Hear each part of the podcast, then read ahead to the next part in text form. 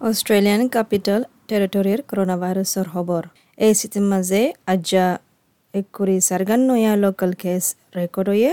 So one case ছ মাসের বুধ আসছিল ওয়েলতি সরকারে হারুগা মঞ্চরে আরজ গরুর দিকে তারা আর বুকিং গজ্জা ভ্যাকসিন আছে দেইবা।